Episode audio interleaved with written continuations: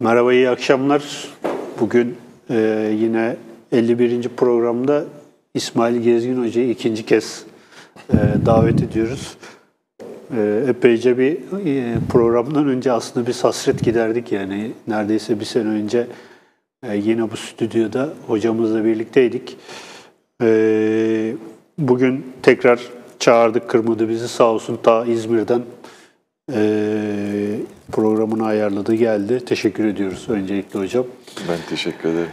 E, bugün e, hocamızın Aynadaki Herodot e, adlı 2004 yılında yayınlanmış.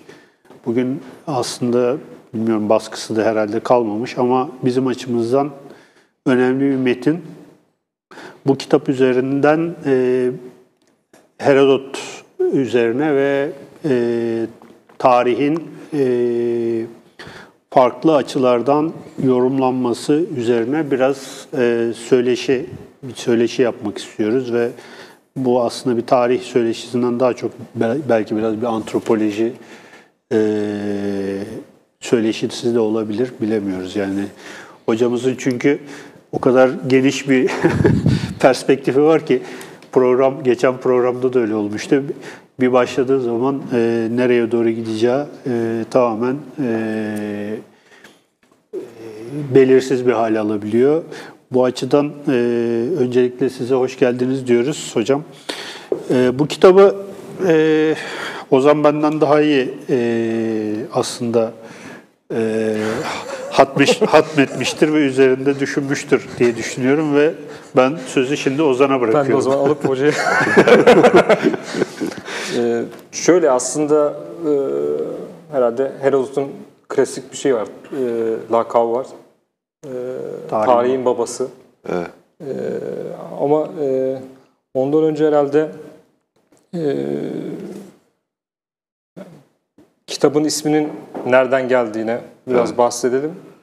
Evet, tarihin babasından başlayalım bence. İyi Çünkü e, iyi bir pas oldu ben de beklemediğim bir pasta ama gollü, bunu, bunu, değerli, bir pas. bunu değerlendirmek lazım. Çünkü e, çok eril bir söylem e, biliyorsunuz tarihin babası. Evet. E, yani neresinden baksanız e, geldiğimiz bugünlerde çok e, irit edici bir şey. Yani tarihin babası ya da onun babası, bunun babası, şunun babası gibi. Hiç anneden bahsedilmiyor gerçekten.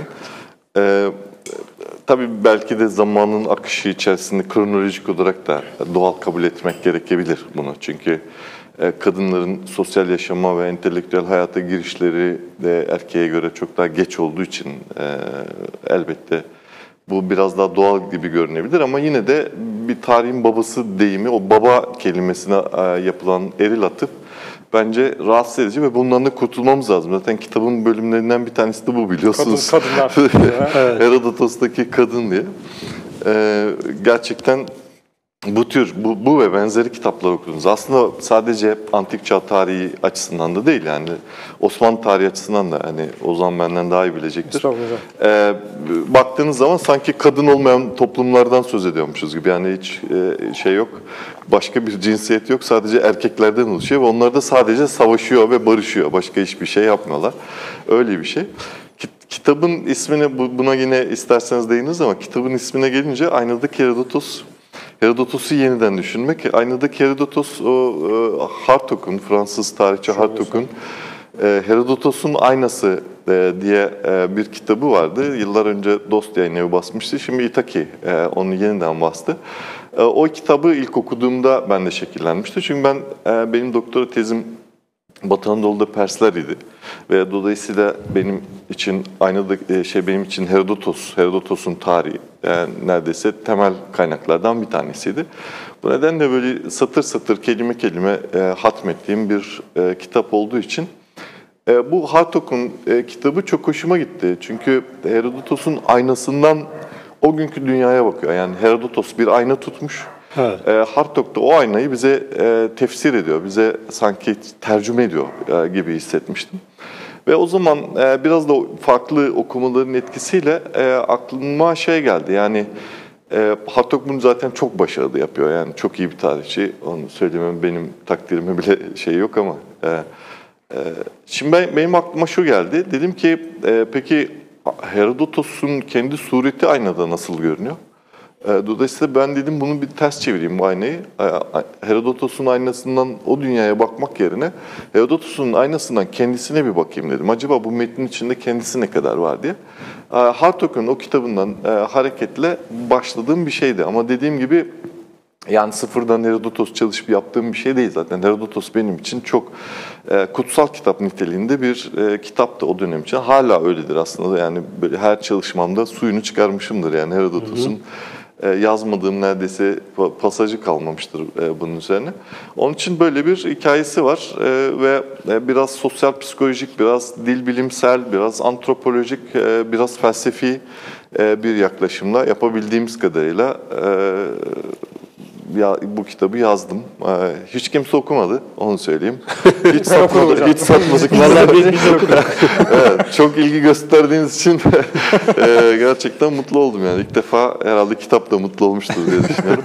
E, bunu basan yayın evi de yok artık. Dolayısıyla e, yeniden basılma şansı da yok. Zaten bir güncelleme de gerektiriyor belki. Onun için e, belki ilerleyen zamanlarda. Hocam belki duyanlar Emekli olur da, olunca.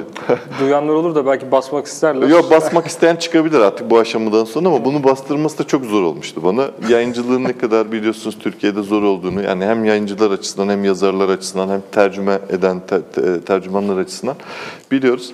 Ben de epeyce uğraştım. Bu kitabı aslında yazmam benim e, 90'lı yılların sonudur. Yani 98-99 falandır. Fakat yayınlatmam 2004'tür yani o süre içerisinde. Hatta bunu yayınlattığımda 3 tane yaz- yayınlanmamış kitabım vardı. Bir arkadaşım şey diyordu, kulaklığı çınlasın, e, e, dert etme diyordu. İsa'nın bile e, öldükten kaç sene sonra yayınlanmış kitabı diyordu. E, onunla teselli buluyorduk. Doğru söylemiş. Eyvallah hocam.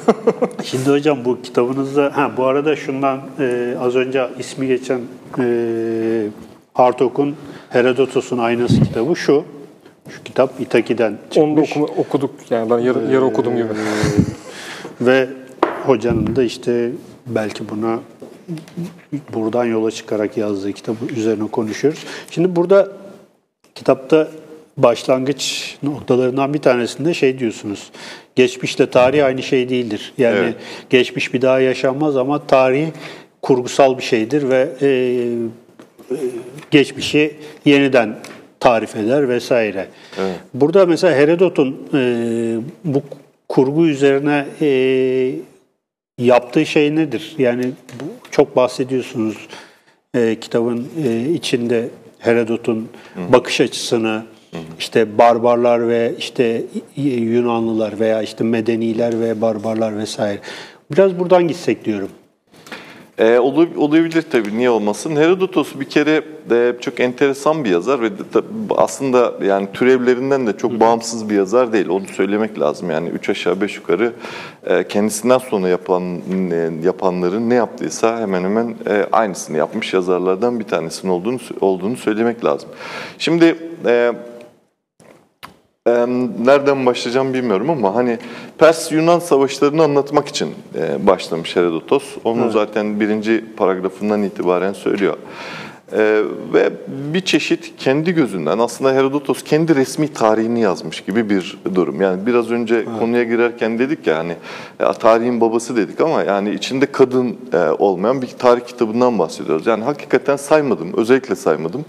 E, böyle bir istatistiksel bir bilgi vermek nedense, rahatsız etti beni ama yani şu kitabın içerisinde belki e, 10 bin belki daha fazla erkek ismi varken 10 tane kadın ismi ya çıkar ya çıkmaz yani. Dolayısıyla bir zihniyetin, bir e, ideolojinin, bir bakışın ürünü e, e, gibi düşünebiliriz yani Herodotos'un kitabı ve aslında e, Herodotos e, kendisi mi yazıyor bu kitabı yoksa kendisinin hani bir şey vardır ya bizim davranışlarımızın arkasında bir background'umuz var ve o background'un içerisinde bizim aldığımız eğitim, kültür, ideoloji, sahip olduğumuz aidiyet hissettiğimiz e, diğer değerler, toplumsal, sosyal değerler falan bizim bütün dünyaya bakışımızı et- etkiler. E, Herodotos'un e, düşüncesini aslında bu anlamda önemsedim. Yani çünkü Herodotos aslında bir taraftan hep kendisi e, anlatıyormuş gibi birinci tekil şahsı çok kullanan e, bir insandır. Özellikle de kendisini refer ederek e, çok kullanan bir insandır. E, orada biraz e, sanki subjektif ya da öznel bir çalışma yapmış gibi görünüyor ama aslında bir sürü konuda da Herodotos kendi yaşadığı dönemin e, tarihini yazmış. Zaten biz bunu modern çağda da biliyoruz. Yani e, herkes, her jenerasyon kendi tarihini yazar. Ta, her, her jenerasyon tarihçisi kendi tarihini yazar. Aksi takdirde Herodotos yazmış zaten Pers-Yunan savaşlarını. Bir daha 2000 sene sonra, 2500 sene sonra benim bir daha ele almam gerekmezdi yani. Ama tarih dediğim şey bir kere bir tane değildir. Çok tarih vardır, çok geçmiş vardır çünkü. Dolayısıyla o çek, geçmişlere yöneltilen bakışlar çok farklıdır. Hani bugün e, bizde mesela çok şey vardır ya böyle ünlü tarihçilerimiz var ya bizim hani ünlü e, Türk büyükleri değil. Evet. Bel, belgesiz konuşmam falan evet. diye. Yani belge varsa tamamdır. Yani bir iş bitmiştir. Onun artık şeyi hakikatli tartışılmaz, tartışılmaz yani. sorgulanmaz. Oysa ki o belgeyi yazanın, yazdıranın e, işte ne bileyim o belgenin hala bugüne kadar gelmesini sağlayan o iktidari süreçler, o üretim süreçleri, o insanlar arasındaki çıkar ilişkileri vesaire. Yani onların hepsine baktığınız zaman aslında belge dediğim şey hiçbir şey değil yani. Be, belli bir dönemde o tarihe e, o tarih domine etmiş insanların, iktidarların ya da e, bir şekilde insanların bilmesi gerektiğini yazdırması, dikte ettirmesi gibi bir şey. Zaten bizde Osmanlı tarihçiliği falan yani çok uzman olduğum alan değil ama biliyorsunuz daha çok hani e, iktidara şeydir, metiye e, olarak evet. başlamıştır. Geleneğimizde de öyledir. E, öyle gitmiş yani. Burada da Herodotos'a baktım acaba Herodotos ne yapmış e, diye. Gerçekten ee, çok enteresan e, bir şahsiyet. Yani milattan önce 5. yüzyılda yaşamış bir kere onu söyleyelim yani 5. yüzyıl. 2500. E, yani iki, kaba bir hesapla 2400 küsur yıllık bir süreçten bahsediyoruz. E, ikincisi okuma yazma oranının çok düşük olduğu bir süreçten bahsediyoruz. Henüz işte papirüslerin falan kullanıldığı, matbaanın olmadığı, evet. e, insanların e, ne bileyim Şimdi hani yazar olmak isteyenlerin bol olduğu bir ülkedeyiz yani gerçekten. ee, o zaman düşünürsen... Şöyle bir espri var. Ee, Türkiye'de yazar sayısı okur sayısından fazla. Fazla, fazla. Hatta şunu da söyleyebilirim yani okuyanlar da zaten yazanlar. Evet. Yani bunu kendi e, sosyal medya, medya şeyimden de, maceramdan da söyleyebilirim. Gerçekten okuyanların hepsi ya tercümanlık yapan arkadaşlar ya yazarlık yapan e, insanlar. E, evet. E, onun dışında pek fazla okuyan... Bir Cengiz okuyor, bir de ben okuyorum. Siz artık şeyden sayılırsınız. camiadan, camiadan sayılırsınız. Siz e, yabancı değilsiniz yani. E, o yüzden e, Herodotos'u da biraz bu açıdan bakmaya çalıştım e, esasında diyebilirim yani. Ben çünkü sözü çok fazla uzatmayayım. ara ara size şey yapayım, dağılmayalım. Hocam benim şimdi e, takıldığım veyahut da ilginç gelen e, en önemli kısmı ilk paragraf oldu. Hmm. Yani şey olarak şimdi okuyayım. E, bu Halikarnoslu e, Halikarnasoslu Herodot'un kamuya sunduğu araştırmadır. Evet. E, şimdi hocam şey de bir araştırmadır ve yani burada araştırmadan ziyade kamu. E, yani böyle bir e, okurken ben bunu şeyde Herodot'u yıllar önce okumuştum. E, bunu okurken tekrardan böyle çıkartıp baktım ne, ne var ne yoktur diye. Sonra aklıma şey geldi. Homer mesela. Homer'in İlyadası ve Odesyası e, ateş etrafında, agorada hayatta işte top, gece topluluklarında okunan bir metin. Hı hı. Ve sürekli e, kulaktan kulağa e, söylenerek gelen bir metin. E, Herodot'un da böyle bir e, tarihinin de böyle bir işlevi var mı? Yani bir e, mesela Hazreti Ali cenknameleri gibi bizim çok yakın zamanda Hazreti Ali cenknameleri yahut da Hayber Kalesi e, fethi gibi tarih bilinci oluşturan metinler var. Hı hı. Homer'in e, ki de böyle bir metin. Herodot da böyle mi? Herodot da üç aşağı beş yukarı böyle. Yani e, şöyle düşünebilirsiniz. Şimdi Herodotos dediğimiz adam e, öyle bir zaman dilimi içerisinde yaşıyor ki e, antik çağın e, çok farklı bir kültürün egemenliği altına girmiş Batı medeniyeti diyelim hani genel olarak e, öyle kabul edildiği için ve farklı bir, Doğu kültürünün etkisi altına girmiş. Hatta biraz e, ne diyelim e, şey olmuş, e, örselenmiş, gururu incinmiş, kırılmış, e, yenilmiş, esir durumuna düşmüş, köle durumuna düşmüş bir halkın e, aslında tarihin yeni, yeniden yazılması veya ona ona dair bir e, kimlik inşası e, gibi bile bakmak lazım. Yani bunlar tabii kitapta benim çok irdelediğim şeyler değil. Şu, şu anki e, durumla söylüyorum. Aradan çünkü epey bir zaman geçti. 20, Evet. 20 yıl neredeyse oldu.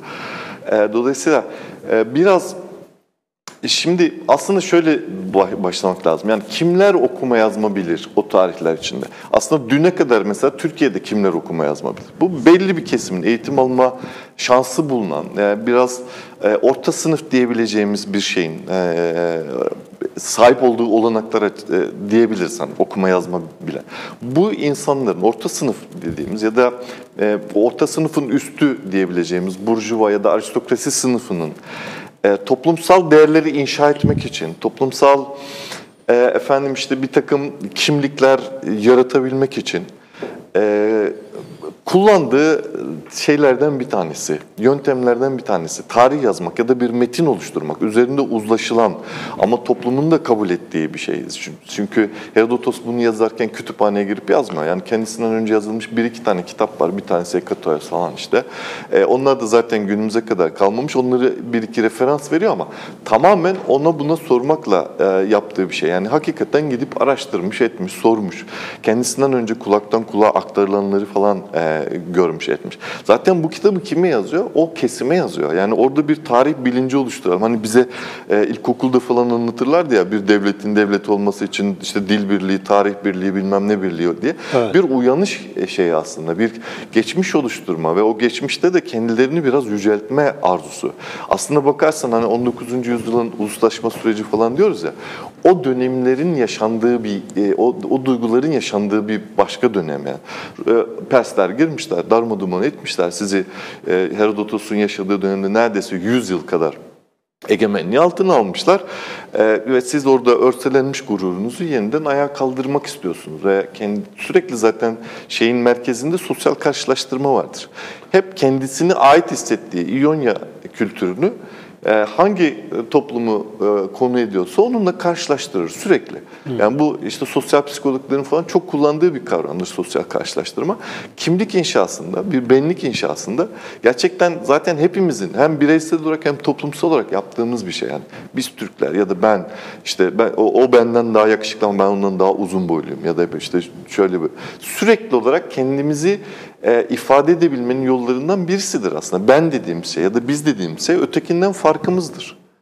E, o bu nedenle de bizim bir kendimize bir isim verebilmemiz, bir kimlik inşa edebilmemiz için bir başkasını aynı olarak kullanmamız lazım. Onu ona bakıp ondan farkımızı görmemiz ve ondan aldığımız feedbackleri e, geri bildirimleri e, ölçerek kendimizi inşa etmemiz lazım.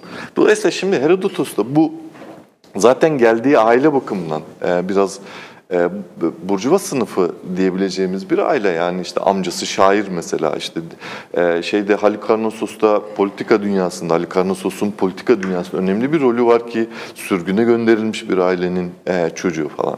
E, okuma yazma biliyor, eğitim be- belli ki şimdi okuma yazma bil, biliyor'nun ötesinde bir yazarla karşı karşıyayız. Yani felsefe biliyor, gök bilim biliyor, ne bileyim kendisini işte doğa bilimleri konusunda geliştirmeye çalışmış.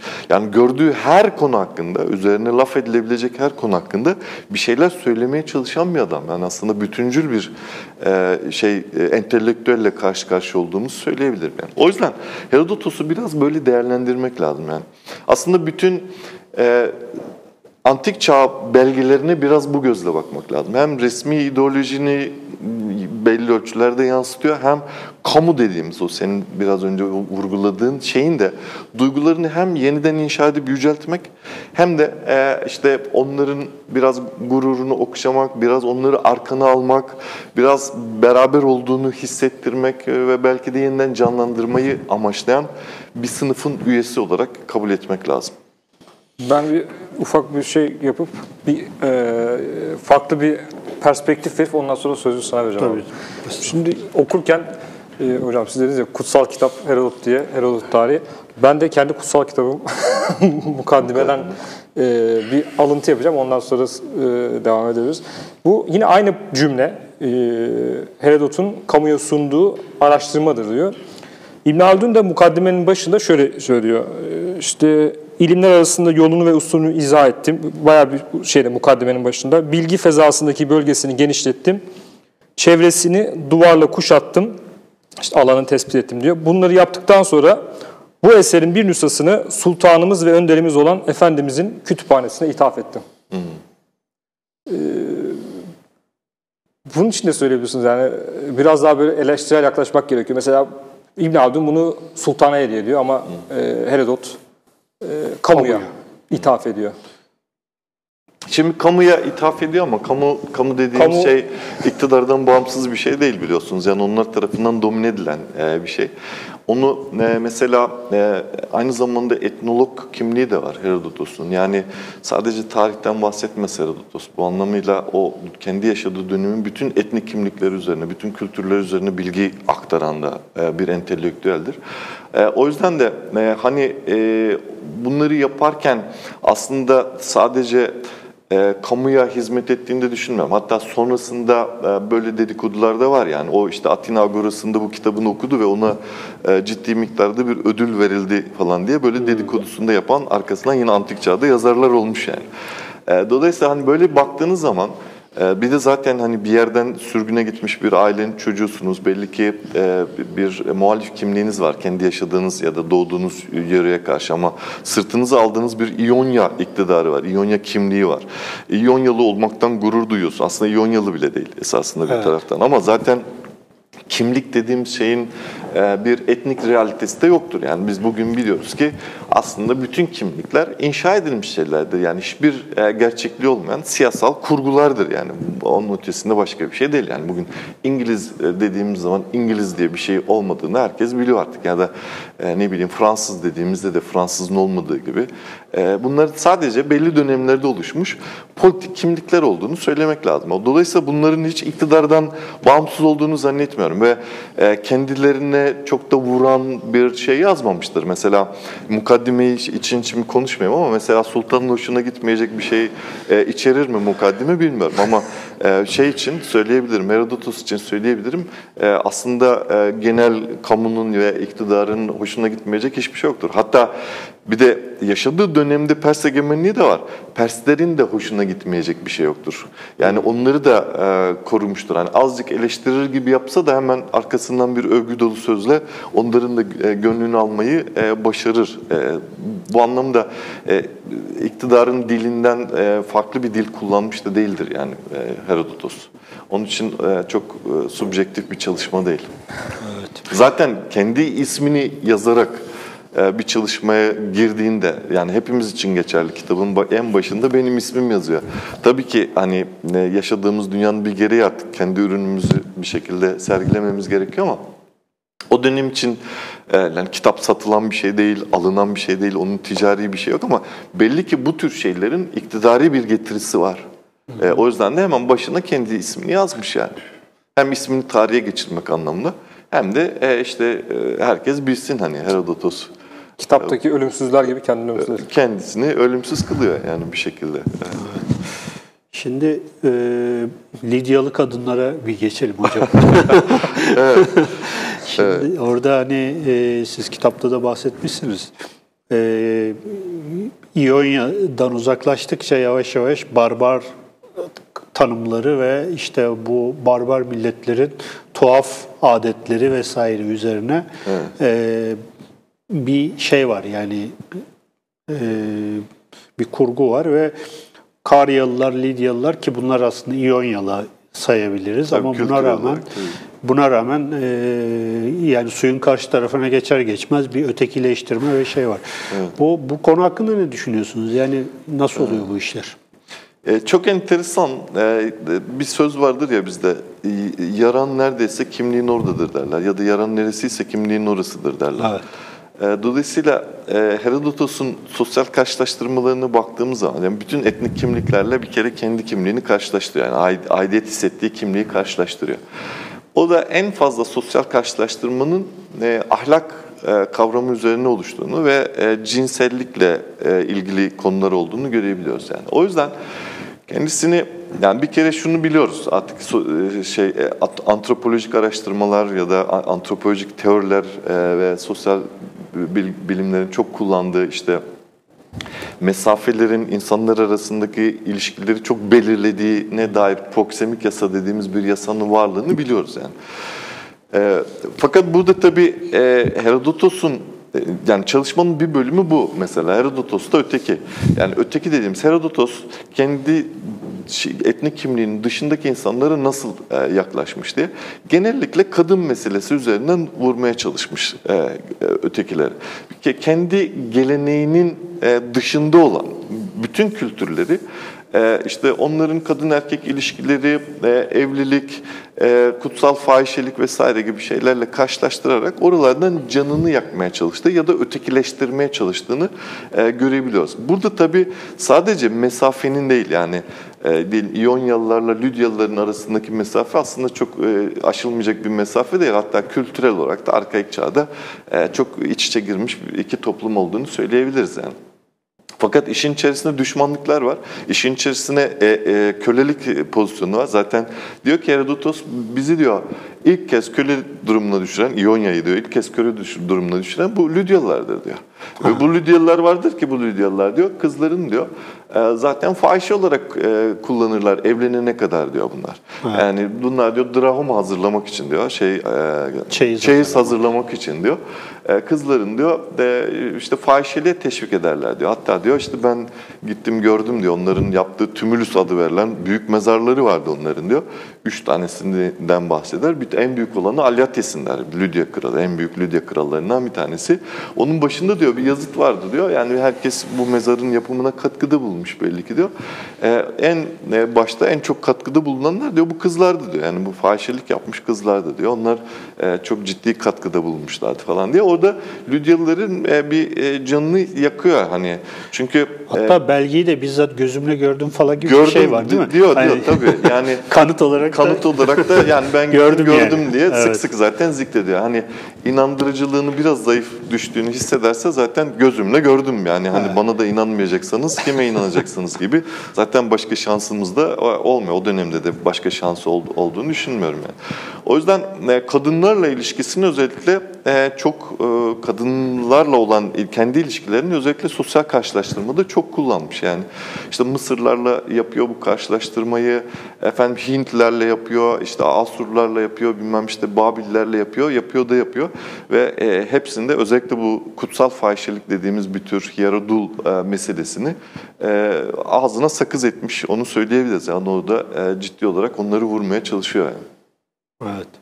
Bir de bu e, ben soru daha sorayım sonra, sonra sana vereyim. Şey olayı e, İyonyalıların Efeso, Efes'e sığınması ve evet. e, burada bir açıkça aslında bir çarpıtma durumundan bahsed, bahsediyorsunuz evet. yorum olarak. E, Herodot e, olayı biraz yumuşatarak anlaşılabilir hale getiriyor. Son derece aslında ideolojik bir durum var yani ortada kesinlikle, değil mi? Yani kesinlikle. E, o sığınan e, İyonyalıların kılıçtan geçirilmesinin sebebi gece işte onların pe, Persli veya işte yağmacı zannedilmesi falan filan gibi bir yağmacı evet. zannedi, haydut evet, evet. haydut zannedilmesi, korsanlar falan zannedilmesi. korsanlar falan zannedilmesi halbuki Pers korkusundan dolayı. Tabii. yapılan bir şey. Yani bu, bu bunun hakkında ne? Şimdi şöyle, e, şimdi milattan önce 546 yılında bütün Anadolu'yu Persler ele geçiriyorlar ve aslında 499'a kadar da e, çok böyle ciddi bir e, şeyde olmuyor. Yani bir e, ne diyelim bir karşı koyuş, bir direniş falan da olmuyor ama çok büyük bir baskı da yok yani. Ama 499 yılında bir şey yüzünden İonyalı Miletos'un türanı Aristagoras diye bir e, e, şahsiyet var. O şahsiyetin kişisel yani yine Herodotos'un yalancısıyım ben bu konuda. Kişisel e, tutkuları, arzuları e, üzerinde e, İonya kötü duruma düşüyor. Borç para alıyor. işte adaları ele geçirip onu Pers kralına hediye etmek istiyor. Kendi statükosunu artırmak için falan. Fakat e, savaşı da kaybediyor. Aldığı borç paraları geri ödeyemeyecek duruma düşüyor. Derken e, isyan etmeye karar veriyor. Yani Miletosluları isyana teşvik ediyor. Şimdi Miletosluları isyana teşvik ederken uyguladığı yöntem de çok enteresan. Düşünün ki boynu bükük bir şey olarak gelmiş.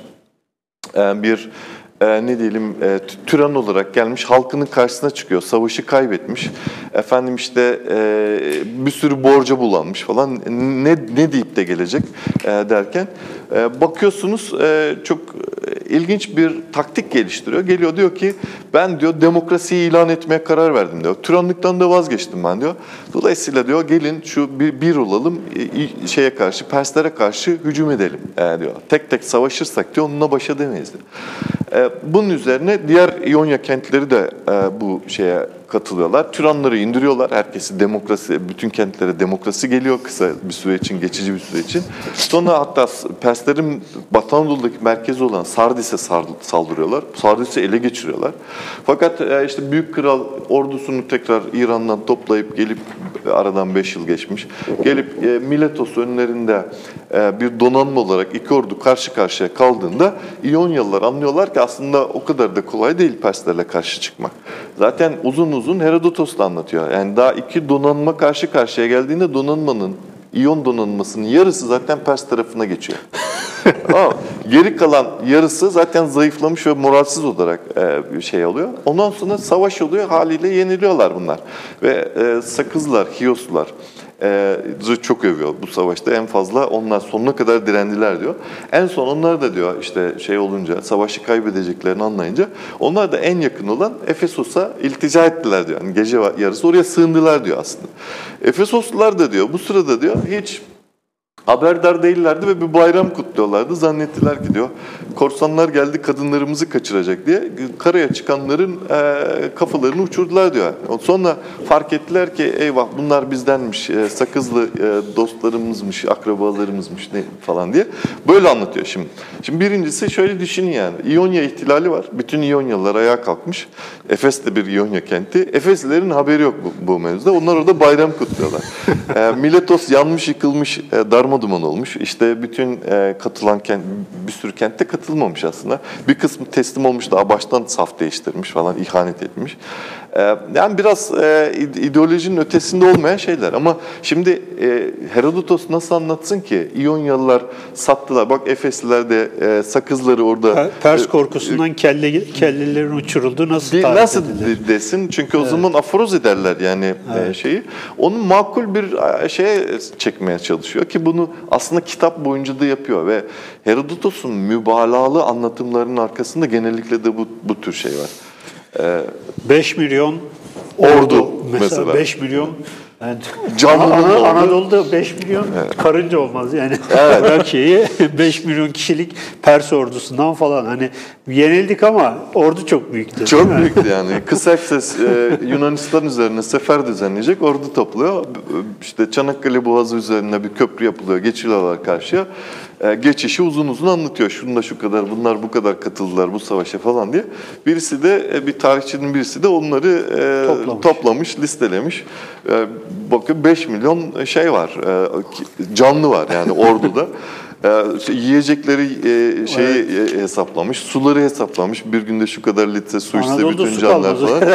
yani e, şeye Gediz Nehri'ne dayansalar ve birer yudum su alsalar Gediz Nehri kuracak yani öyle evet, bir şey. Evet. Ama tabii o savaş çok önemli bir savaş çünkü aslında Yunanistan'da da bir dönemi kapatan bir savaş. Yani o mutlu e, Atinalı imgesini bozan bir savaş. Yani e, o zamana kadar hani sanatçıların bile gülümseyerek yaptığı resimler, heykeller birden e, trajediye dönüşüyor ya da ciddi stil diyoruz biz. Ciddiye e, dönüşmeye başlıyor. Çünkü gerçekten e, bütün Atina'yı yakıp yıkıyorlar. Yani bütün Yunanistan'ı yakıp yıkıyorlar ama tabii gene sonuçta e, Atina galip çıkmış gibi düşünebiliriz o savaşın sonunda. E, şimdi e, her Herodotos da bunu anlatıyor. Şimdi e, kötü bir orduydu ve üç kişiydiler de zaten e, e, Yunanistan'ı yendiler gibi bir şey diyemeyecek. Yani o kadar büyüktü ki diyor. Yani onları da karşı durmak say, mümkün değil. Say, yani say, say, say bitmedi diyor. Bakın şu katılanlara bakın. Kim durabilir bunların e, karşısında diyor. Ben onu şeye benzetiyorum. Yani işte hani ufak tefek bir birisinden dayak yiyorsunuz da 15 kişiydiler falan diye. Onun gibi bir şey yani. Hocam evet. Ee, mesela yine ben e, bir mukayese üzerinden gideceğim de e, klasik dönem yani e, Osmanlı'nın e, kuruluş döneminde Oğuznamelerde e, e, belli boylara atıfta atıfta bulunuyor. Mesela Dede Korkut Oğuznamesi'nin başında işte kayı kayı boyuna atıf yapılıyor ve kayı boyunda işte Osmanlı'nın kurucu e, aşireti olduğu için Oradan bir meşruiyet devşiriliyor. Hı. Mesela bu Herodot'ta da böyle bir e, olgu var mı? Yani bir e, yanlış hatırlıyor olabilirim ama Homer'de mesela Homer'in e, metinlerinde Odessa'da savaşmış e,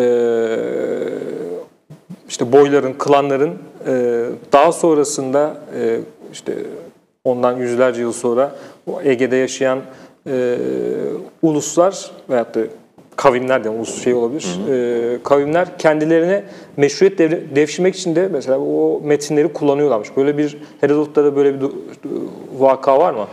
E, tam olarak için. Herodot'ta böyle bir vaka var mı? Doğrusu sonrası için yani kullanım e, açısından, siyasi olarak kullanım açısından e, meşruiyet devşiriliyor mu? Yani tabii ki olmaz mı? Yani modern e, dönemler bile Herodotos'tan e, şey olmuştur. Yani bir medet olmuştur diye düşünebilirsiniz. Hani ne bileyim işte Osmanlı'nın dağılması ve işte misak-ı milli sınırlarının çizilmesi vesaire gibi meselelerde hani kimin nerelerde hak iddia edeceğini ortaya konulabilmesi için tarih ve arkeoloji bu konularda en çok çalışılmış şeylerdir. Yani her ne kadar işte Türkiye Cumhuriyeti Sümer'den Hitit'ten medet ummaya çalışmış ve oradan bir şeyler devşirmeye çalışmışsa işte Yunanistan ve e, Avrupa, Yunanistan e, tekelinde diyelim şeyinde ya da öncülüğünde Avrupa de oradan bir takım şeyler devşirmeye çalışmışlardır elbette. Yani mesela en basitinden şunu söyleyebiliriz. Megaloidea dediğimiz işte o Yunanistan'ın büyük şeyi bizim hani Turancılık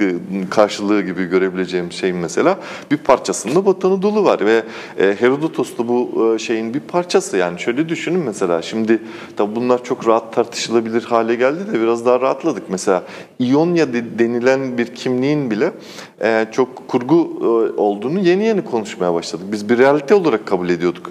Bize öyle öğrettiler mesela. Biz e, eğitimciyken ve hala bir sürü e, tarih ve eski çağ tarihi ve arkeoloji bölümünde öyle, öyle öğretildi. İonyalılar Yunanistan'dan geldiler. İşte burada bir uygarlık kurdular. Efendim, e, işte onlar buraya geldiğinde zaten burada uygar bir toplum yoktu falan gibi böyle atıflar var ve onlar bu, bu, bu coğrafyayı hali bütün batı açısından batı medeniyeti dediğimiz şey zaten İonya medeniyeti işte Thales'ten başlar batı felsefesinin düşüncesi Miletos'tur yani ya da matematikçidir aynı zamanda düşünün. Yani bunların hepsinin e, kökeninde bunlar yatar yani. Ve biz artık şunu biliyoruz ki aslında e, bu tür kimlikler tamamen kurgusal kimliklerdir. Yani hiçbir zaman Atina'dan biz bu bölgeyi domine edecek ve bu bölgeyi e, kolonize edecek kadar büyük bir nüfus e, kalabalığının gelmediğini şu anda biliyoruz. Ve hatta sonradan ortaya çıktığını da biliyoruz. Hani diyelim işte diyor onların iddiası şu mesela diyorlar ki ve bunu biz de Batı bilimini hani arkeolojiyi şeyden aldığımız için, Batı'dan aldığımız için biz de böyle kabul etmişiz yıllarca. Diyoruz ki bu Yunanistan'dan gelenler burayı kolonize etti. E şimdi bu Yunanistan'dan gelenler burayı kolonize etmesinden ilk bahsedenlerden biri Herodotos. 700 yıl sonra söylüyor, 600 yıl sonra söylüyor. Ondan öncekilerde hiç tık yok. Mesela Homeros'ta hiç böyle bir şey yok. Hiç İonya kelimesi bile geçmiyor. Bir tane bir yerde geçtiği söyleniyor. O da şüpheli, şaibeli. Yani geçiyorsa bir yerde geçiyor. Düşün 8. yüzyılda Smyrna'da doğduğunu düşündüğümüz bir adamdan bahsediyoruz. Anlatabiliyor muyum? Dolayısıyla bunların sonradan e, insanların yeni ve güçlü kimliklere ve geçmişle ihtiyaç duymaya başladıkları anda edindikleri kimlikler bunlar. Ve bunların hep kullanmışlar aslında. E şey de öyle, e, kendisini İyonyalı gibi hisseder, İyonyalı gibi anlatır. Yani Halikarnassos'ta olduğunu söylemese hiçbirimiz bilmeyeceğiz onun Halikarnassos'ta yani Karya'da doğduğunu. Evet. Yani, çünkü İyonyalı olmak prestijli bir şey yani. yani bugün Anadolu'daki bazı kentlerin e, durumu gibi düşünebiliriz. Kar, Karyalıları da e, pek hayırlı anmamış yani. Bir e, aslında valla İyonyalılar dışında çok hayırla andığı hiç biraz şey. Perslerdir e, ama ötekileri hiç, hiç hayırlı anmaz zaten. Yani. Hatta e, işte o demin Persleri söylediğim de şey gibi. kaldığı içindir. Biraz mecbur kalıyor çünkü hala onların egemenliğinde bir e, evet. dünyada yaşıyor. E, ve mesafe uzaklaştıkça da hayırın şeyi de giderek büyür e, hayırın e, diyelim şerri de giderek büyümeye başlar. Yani atıflar. Yani en uzaktaki halklar için hani e, okumuşsunuzdur kitapta da var. Giderek at kafalı, e, at kafalı köpek başlı bilmem neli işte e, doğa doğa canavarları gibi falan şeylerden evet, bahsediyor. Yılan, kafalı ejderha falan. kafalı falan gibi şeyler var yani. Yani mesafe uzaklaştıkça, aşinalık azaldıkça e, onlara yapılan atıflardaki e, şeylik, e, hayvanilik antik hayvansılık daha doğrusu ya da insan dışı e, nitelikler e, çoğalmaya başlıyor. Çok enteresan bir, bir e, süreç aslında e, bu anlamda bakarsak. Ben okurken şey aklıma geldi. Siz de zaten bir yerde atıfta bulmuşsunuz. Ee, Tanpınar'ın e, ben Evliya Çelebi'yi tenkit etmek için değil, ona inanmak için okurum diye ve her zaman karlı çıkmışımdır diye. Herodot da biraz böyle okurken hani sürekli yani bir anda bir anda bir tarih metni okuyorsunuz. Mesela Toynbee'nin şey için söylediği bir e, Homer için, İlyada ve Odisea için söylediği bir şey var. E, A Study of History'de. E, bir yandan diyor e, sanki bir mitoloji kit- kitabı gibi ama bir, bir taraftan da diyor tarih kitabı gibi diyor yani Homer için. E, bu da Herodot da aslında biraz daha şeyden tabii biraz daha e, bu efsanevilikten işte tanrıların e, olaylara müdahil olmasından biraz daha kurtulmuş ama yine de o etki var. Yani bir anda bakıyorsunuz cidden tanrılardan bahsediyor, metafizik güçlerden bahsediyor. Ama bir yandan da bakıyorsunuz böyle bildiğimiz nesnel olaylardan bahsediyor. Öyle bir yanı da var yani. Kesinlikle yani bir kere şunu söylemek lazım yani Herodotos dediğimiz adam da e, kendi de dünyasını bize aktarırken işte bir sürü e, benzer süreçlerden geçerek aktarıyor. Yani e, onlardan bağımsız bir e, insan, bağımsız bir yazar değil yani ama e, yani genel e, itibariyle söylersek sorunu unuttum ben aslında o yüzden geveliyorum. Yo, ben genel genel olarak böyle bir durum var. Ee, yani şey açısından bir yandan böyle e, efsanevi bir yandan da e, Tabii tahta elinde, elinde buradaki esasında, gerçek. e- esasında elinde kalan fazla bir şey de yok yani. O da çünkü kendisine aktarıldığı kadarını. Şimdi birkaç tane kitap var belli onları okumuş. Onun ötesindeki bütün bilgileri devşirmeye çalışıyor. Herkese soruyor, bilenlere danışıyor. Yani özellikle işte Mısır'a gittiğinden bahsederken, o Mısır anlatırkenki süreçte diyor ki ben işte filan tapınağa gittim, oranın baş rahibiyle görüştüm. O bana işte bütün meseleyi uzun uzun anlattı diyor. Ama diyor şöyle şöyle eksikleri var onları da ben tamamladım falan diye. Ee, böyle e, anlatan bir e, şey metodoloji e, izlemiş. Ama e, şöyle bakarsanız aslında belki de en başa bağlamak lazım bunu sizin e, oradan girmiştiniz ya geçmiş ve tarih aynı şey değildir diye. E, buradan bakarsak aslında geçmiş ve tarih gerçekten aynı şey değil.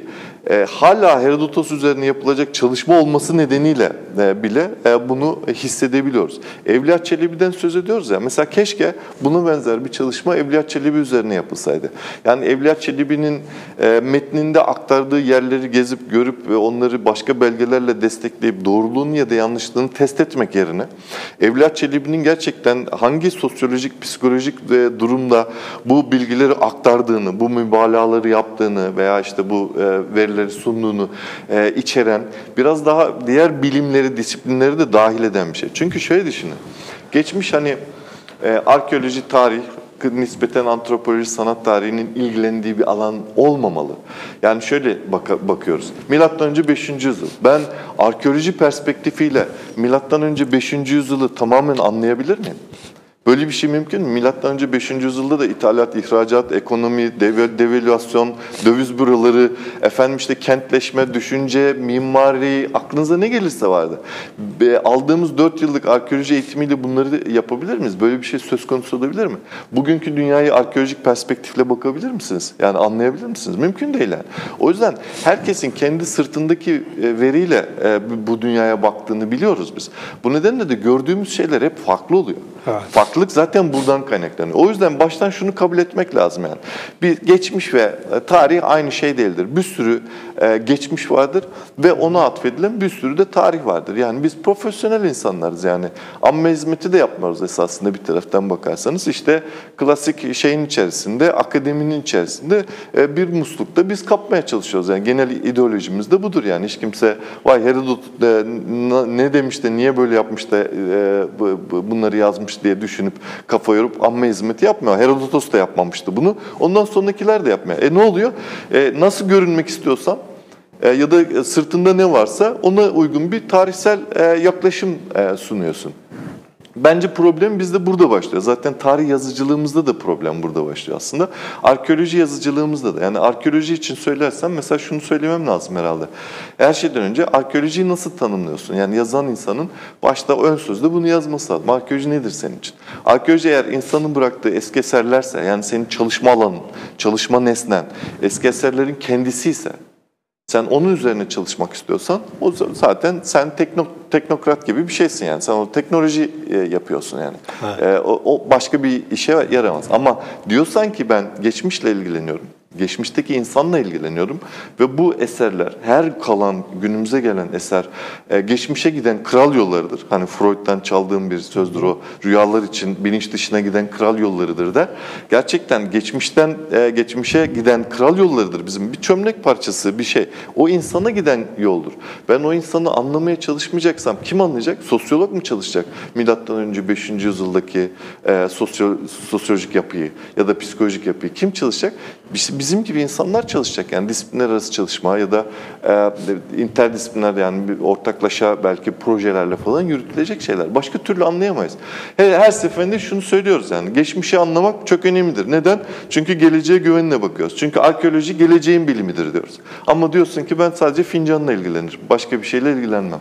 Bu fincanın ağzı şöyle şu tarihten e, envanterini yaparım, resmini çekerim, koyarım. Bunu da işte bilmem e, şu dergide yayınlarsam puanımı da kaparım, geçer giderim e, noktasına getirmişler bize yani. Yani şu şeyin ergonomik pozisyonundan tutun da sosyal üretim, tüketim süreçleri yani şuna bir mesela ufacık biraz böyle bir eleştirel sol perspektiften baktığında bile neler çıkıyor. Yani şunu üreten insan, bu toprağı çıkaran insan değil mi? Buraya gelene kadar nasıl evet. bir iş bölümü, hiyerarşi ve e, bir, bir insanlar arası ilişki vardır. Yani bu bile bambaşka bir şey. Ya da başta söylediğimiz gibi işte şu kitapta kadın yok. Yani kadınsız bir toplumda mı yaşıyordu Herodotos? Evet. Böyle bir şey söz konusu Ağaçta yetişmedikleri için ya. Yani ağaçta yetişmiyordu bu insanlar yani. O, o yüzden e, elbette feministlerin e, ya da e, birbirlerinin feministik perspektifle bu kitaplara bakması lazım, yaklaşması lazım. Kadın olmayan bir kitap, bir tarih kitabı zaten zaten eksiktir yani. Ki artık zaten kadınlar üzerinde de bir şey söylemek Emek lazım. Yani bir tarih kitabı. Tabii mümkün mü yani? Hani te, iki cinsiyet üzerinden de konuşmamak lazım. Yani belki daha da arttırmak lazım. Yani herkesin temsil edildiği bir tarih anlayışından bahsetmek lazım. Yani artık kralların, savaşların tarihini e, bilmem e, aristokratların mutfağını, yemeğini ya da e, bıraktığı eserleri bırakalım. Yani biliyorum ben arkeoloji için eleştiri getireyim mesela. E, herkes e, ilk önce tapınak falan kazmaya çalışır. Yani tiyatronun e, sahne binasını açar çıkarmaya çalışır herkes önce. Çünkü oralardan güzel şeyler çıkacak. Yani sansasyonel şeyler çıkacak yani. Ama hiç kimse onun arkasındaki şey çalışmak istemez perspektifi. Yani o tiyatrolar nasıl yapıldı? Hani e, tanrılar mı yaptı ya da evet. uzaylılar mı yaptı diye böyle metafizik spekülatifler, spekülasyonlar yapılır ama onun arkasındaki emek, e, insan sömürüsü bunlardan hiç kimse söz etmez mesela. Çünkü işlerine gelmez yani böyle bakmak yani. Bu, bu anlamda da biz tarih bizim en azından kendi içinde bulunduğumuz durum açısından söylüyorum. Çünkü Fransızlar falan bunu nispeten aşmış durumdalar. Ee, gerçekten içler acısı bir halimiz var. Yani bugün Türkiye'de bu mesela bir doktora konusu olabilir. Birisi otursa tarih kitaplarının Cumhuriyet döneminde yazılan tarih kitaplarının içerisindeki kadın ve erkek isimlerini bile saysa yeter yani. Evet. Anlatabiliyor muyum? Ya da işte ne bileyim belli e, yönetim biçimlerini ya da belli krallara şunları bunları yapılan olumlu atıfları saysa bile inanılmaz bir araştırmadır. Yani biz kralları falan yücelten bir tarih anlayışı e, peşinde koşuyoruz yani. Düşünün yani insanlar kral isimlerini falan kendine nickname olarak koyuyor şimdi şeyde, YouTube'da. Gerçekten evet. böyle bir şey yani. Evet. E, o oysaki e, antik çağ dediğimiz şey ya da e, bizden önce yaşayan sadece krallardan ibaret miydi yani? Başka kimse yok muydu? Efes kazılıyor işte 100 küsur yıldır. Daha insanların nerede yaşadığını, nasıl yaşadığını gösteren bir arkeolojik veri yok yani. Hep kamusal alanlar kazılıyor. Neden? Oralarda kentin önemli noktalarında konuşlanmış heykeller aranıyor, yazıtlar aranıyor. İşte sansasyonel bir takım veriler aranıyor. Yani bunun gibi şeyler yani. Hocam zaten yani şu, şu da var aslında burada ünsiyet kurulacak. Mesela geçen haftada 1 Mayıs vesilesiyle Kadir Osmanlı'da e, işçi ve işçi hareketleri üzerine falan konuştuk. Evet, Görmüşsünüzdür. Izledim, evet. ee, orada da mesela işte sultanlara, mesela Osmanlı tarihçiliği de böyle. Ee, yani şu anda yakın dönemde yapılan işler yine nispeten iyi. Nispeten. Ama öncesinde e, bir Osmanlı tarihi dediğimiz şey zaferler ve sultanlar tarihi. Yani mesela orada yaşayan e, mesela Süleymaniye'nin inşaatında çalışan bir işçinin ne yediği, na, nasıl yaşadığı. Yani, e, mesela yakın zamanda bir kitap çıktı. E, Osmanlı'nın e, Osmanlı'da kıtlıklar. Yani mesela çok e, farklı bir açıdan bakıyor. Çok acayip. Yani sü- sürekli biz refah, işte bolluk, Osmanlı mutfağı diyoruz ama kıtlıklar yani e, e, e, halkın yaşadığı zorluklar. Çünkü bizim ünsiyet benim ünsiyet kuracağım e, unsur e, sultan değil ki. Zaten yani ben, ben Re- Re- Rea oğlu Reha'yız yani sonuçta köy öyle yani. Çok acayip bir şey söyledin. Osman'ın torunu Yok. o, o dönemde mesela e, sultanı e, sultanı e, e, gönlünü hoş tutmak için yazanı anlarım. Yani onun bir menfaati vardı. Ama bu dönemden kalkıp da o yazanın yazdıklarını e, yine sultana atfederek olumlu e, değerlendiren modern araştırmacıları anlamak mümkün değil yani. Ama şöyle bakabiliriz esasında. Yani e, kimse onlarla ilgilenmek istemez. Mesela bugün yani ben televizyon izleyen bir insan değilim bilmiyorum ama yani genel olarak şöyle genel zayıf genel kültürümle herhalde şunu söyleyebilirim ben. Kaç tane televizyon dizisi var fakirlerin hayatını anlatan? Buradan ba- başlamak lazım yani. Aslında biraz da genel olarak kamusal e, talep de bu yana ya da o sunulan şey tam kamusal talep demeyelim As- esasında kamu talep etmiyor böyle bir şey. Ona sunulan malzeme sanırım genel olarak o e, belli bir sınıfın e, yaşam biçimi. Belki de o yaşam biçimi insanların kendi şey atlayıp hani sınıf atlayıp da e, onun da o şeye ulaşabileceği umudun taşımasına vesile olduğu için kendi yaşadığı durumu çekilir kılıyor herhalde. Bir gün onun da olur, bir gün o da ulaşıverir o e, şeyine diye onları izleyip Uyuşturucu onlar gibi. gibi evet, uyuşturucu gibi bir şey yani. Gerçekten öyledir ama hakikaten yani bizim mesela Türkiye'de arkeoloji için net bir biçimde söyleyebilirim. Yani bir çeşit e, eski eser fetişizminden hallice bir durumdayız hani. Yani bir heykel bir heykel daha. Yani ne kadar çok heykel, ne kadar çok yapı, ne kadar çok tapınak o kadar iyi. Yani herkesi e, suçlamıyorum tabii böyle bir şey de tenzih ederim ama yani genel olarak bizim şeyimiz eser e, endeksli, eser odaklı bir, bir, bir yapı var. E, o eser odaklı olunca da e, şimdi fakirin mutfağından çıkacak iki tane e, e, amiyane tabirle göveçle kimse ilgilenmek istemiyor. Yani zenginin kristal kadehiyle ilgilenmek istiyor. Herkes e, mezarından çıkacak takılarıyla ilgilenmek istiyor gibi yani. Hiçbir bir fakirin mezarı haber oluyor mu? Dü- düş- şeyde görüyoruz Veya şöyle, haberleri. şöyle haber oluyor hocam. Bir örnek vereyim. Er- Erkan Konyar'la biz burada program yaptık. Şimdi orada şey diyor. e, bir yani altı delik bir çömlek buluyoruz mesela diyor. E, İşte muhtemelen bununla peynir yapılıyor çünkü süt şeyi o ve alttan süzülüyor falan. Ertesi gün diyor basında haber oluyor. Otlu peynirin 10 bin yıl önceye dayandı. yani, yani, yani bir de böyle popüler hani popüler kültür ve folkloru hani kendi kimliğini geçmişle bağlantı hani kuracak ve kolay yoldan e, ne bileyim hani arkeolojiyi belki popülerize edecek bir şey var yani. Hani Ha, bir ya da anlayış da var kendisini yani. tıklanır hale getirecek. Veya kendisi- o da bir e, Erkan, basın hilesi Erkan gibi olabilir. da buradan e, e, el sallayalım. Evet, sevgiler göndereyim. Evet. Bu komik, komik bir anekdottu yani. o 10 bin yıl önceki otlu peynir. Mesela insanların en çok merak ettiği şey budur. Yani bir arkeolog olarak bunu söyleyebilirim. Yani bir öğren yerine birisiyle gittiğiniz zaman söylerler. Ya bunları nasıl yapmışlar? Bu sütunları üst üste nasıl koymuşlar? Acaba teknoloji e, daha mı ilerideymiş? Ya da işte nasıl, ne kullanmışlar falan diye.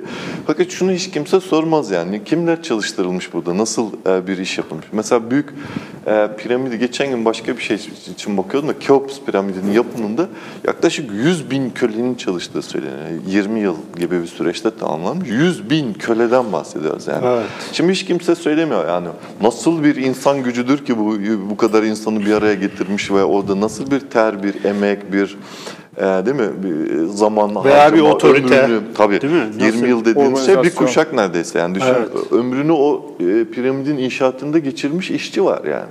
Yani doğmuş büyümüş onun içerisinde işçi var. Onun etrafında köyler kurulmuş inşaat sırasında. Ve onlarca yıl yaşamış o köyler. Çok acayip bir şey yani. Ama bununla kimse ilgilenmek istemiyor genel olarak. Ve e, haliyle de hani Hani şimdi İzmir'e bir şey olsa herkes herhalde e, ne diyelim e, Alsancak'la e, ya da işte ne bileyim burada bir şey olsa ne bileyim Şişli'de e, neresi? Yani nişan. Belki şey Boğaz'ın e, kenarındaki yalılar, efendim Bebek şu bu falan değil mi? Oralar biraz daha yani arkeologlar herhalde orayı tercih ederlerdi. Yani gidip de gece kondu mahallesini kazmak istemezlerdi e, gibi düşünebiliriz. Bu aslında bu bile ideolojik bir şey biliyor musunuz? Yani bu bile bize e, eğitim sırasında verilmiş bir şey. Çünkü eğitimimiz bu, bunun üzerine dayanıyor.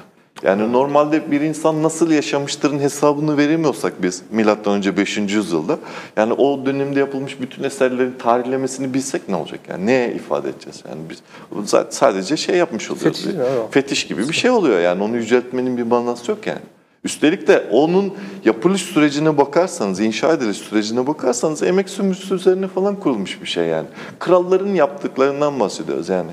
Yani işte Büyük İskender örneğini çok veririm ben mesela. Yani kazanan her kral haklıdır yani. Kaybeden her kral da e, haksızdır. haksızdır, haindir falan yani. Hani ben mesela biraz şey gibi olacak ama Büyük İskender ile Hitler arasında bir fark görmem. Yani birisi bütün dünyaya Indo-Cermen halkının ariliğini getirmeye çalışmış. Öteki de bütün dünyaya Helen kültürünü yaymaya çalışmış. E ne, ne yoluyla yapmışlar bunları? Ke asmışlar, kesmişler. Savaş yoluyla yapmışlar yani. E şimdi kalkıp da bütün dünyadaki insanların çocukların ismini İskender, Alex, Alexandros falan koymaları da bir tuhaf geliyor yani bana. Yani böyle bir ya fallik bir yüceltme var yani burada anlatabiliyor muyum ne demek istediğimi?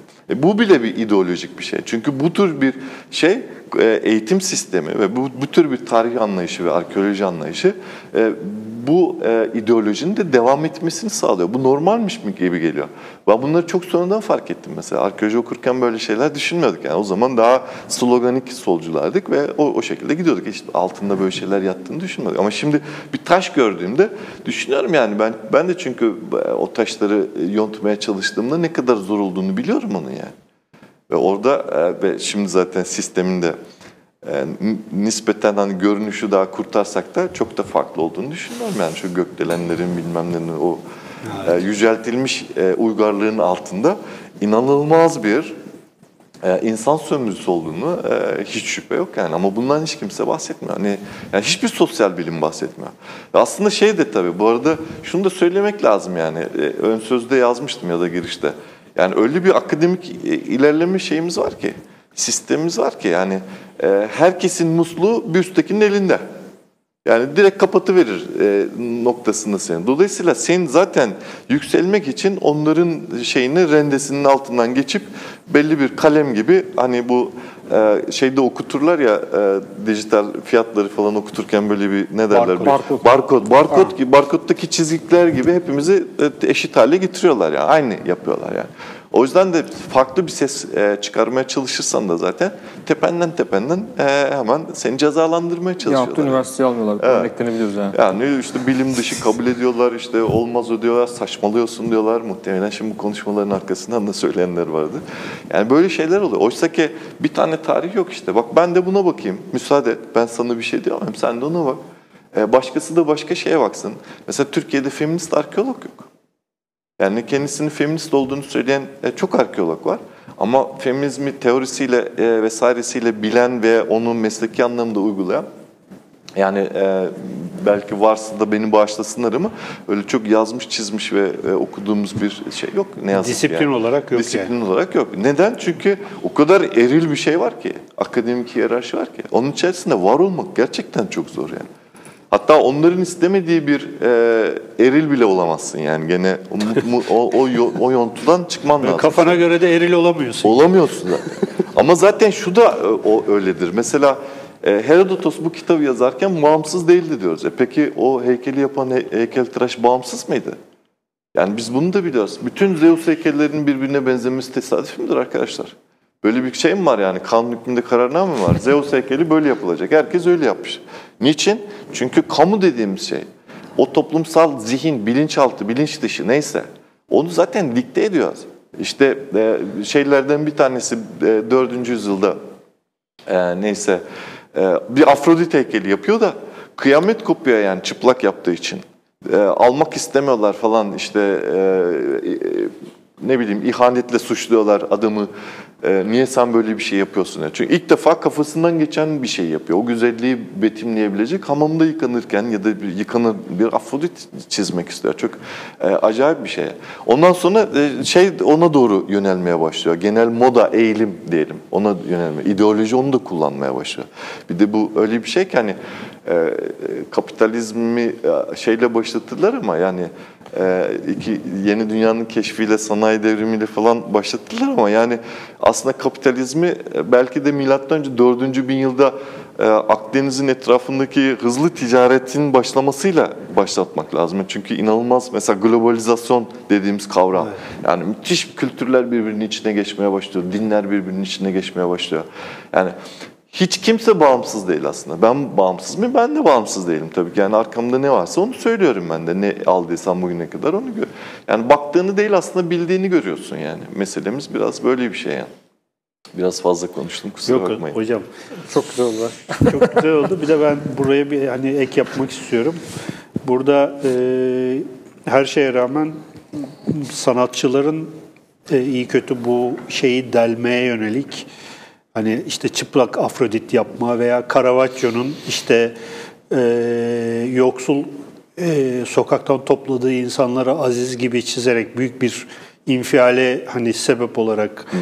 belki de gerçeği hani orada e, gerçek İsa buydu ve onun işte havarileri de işte sokaktaki insanlar gibi yoksul işte e, cahil kaba saba adamlardı ve orada hani belki de o sanatçıların ve işte yarat yani yaratma gücü olan insanların o işte o güne kadar var olan sistemi veya işte şeyi sarsma yönelik bir gücü olduğunu da belki söylemek gerekiyor. E, söylemek lazım ama şimdi e, mesela antik çağ için şöyle diyebilirim. Yani büyük bir sermaye gerektiren bir şey sanatçı olmak. Öyle evet. kolay bir şey değil. Yani belki e, günümüze yaklaştıkça biraz daha e, işin rengi değişmeye başladı. Ama mesela 15. yüzyılda falan düşünürseniz hani Michelangelo falan ele alırsanız yani e, ne yapıyor? E, sürekli olarak işte büyük kiliseleri boyuyor, e, papayla işbirliği, Vatikan'dan bağımsız bir şey yapamıyor. Neden? Çünkü güç orada. O, yani onu destekleyen sponsor orada. Yani yine arada tabii o e, küçük nüanslarda e, istediğini yapan e, da bir şahsiyet ama yine de hani böyle hayat hikayesine bakınca o Vasari'nin bir kitabı var. Hani ünlü sanatçıların hayat hikayeleri diye. Evet. O da e, çağdaşı aşağı yukarı şeyin. Ee, onların anlattığına falan bakarsanız yani o da e, gerçekten e, sanatçıların iktidarla ilişkisi dışında bir yol yokmuş gibi görünüyor. Çünkü bunlar büyük adamlar, büyük eserler yapacaklar ve büyük eserler yapmak maalesef e, iktidarla ilişkili bir şey, ekonomiyle, kapitalle ilişkili bir şey. Yani fakirin gece konusundan sanat çıkaramıyorlar. Yani onlar istiyorlar işte bir devasa e, heykeller yapalım ya da işte ne bileyim bütün dünyanın konuşacağı şapeller, kiliseler inşa edelim diyorlar. Onun için de para gerekiyor. Bugün de durum aslında çok farklı değil yani. Yani bir iktidarın e, ya da yükselen değerlerin diyelim en e, hızlı e, peşinden koşanlar açısından söyleyeyim en hızlı koşanlardan biri sanat dünyasıdır. Neden? Çünkü sanat öyle Şimdi aslında yapmak mümkün. Yani şu evet. gel, geldiğimiz çağda daha alternatif bir duruşla gerçekten muhalif bir sanat akımı gerçekten mümkün. Yani ama antik çağ için böyle bir şey söz konusu olur mu bilmiyorum yani. Mesela adamı herhalde e, e, infaz edip e, heykellerini falan da yok ederlerdi diye düşünüyorum yani. O kolay bir şey değil yani. Fakat yine de tabii yani iyi ki varlarmış yani onlar o evet, tabii. sayesinde günümüze kadar bir şeyler gelebilmiş yani. Peki hocam yavaş yavaş toparlayalım. Yaklaşık bir saat geçti. Ee, sizin son olarak söyleyeceğiniz, ekleyeceğiniz bir şey var mı? Ozan senin. Hocam sizin. Aa, ben teşekkür ederim. Yani ikincisini yaptık.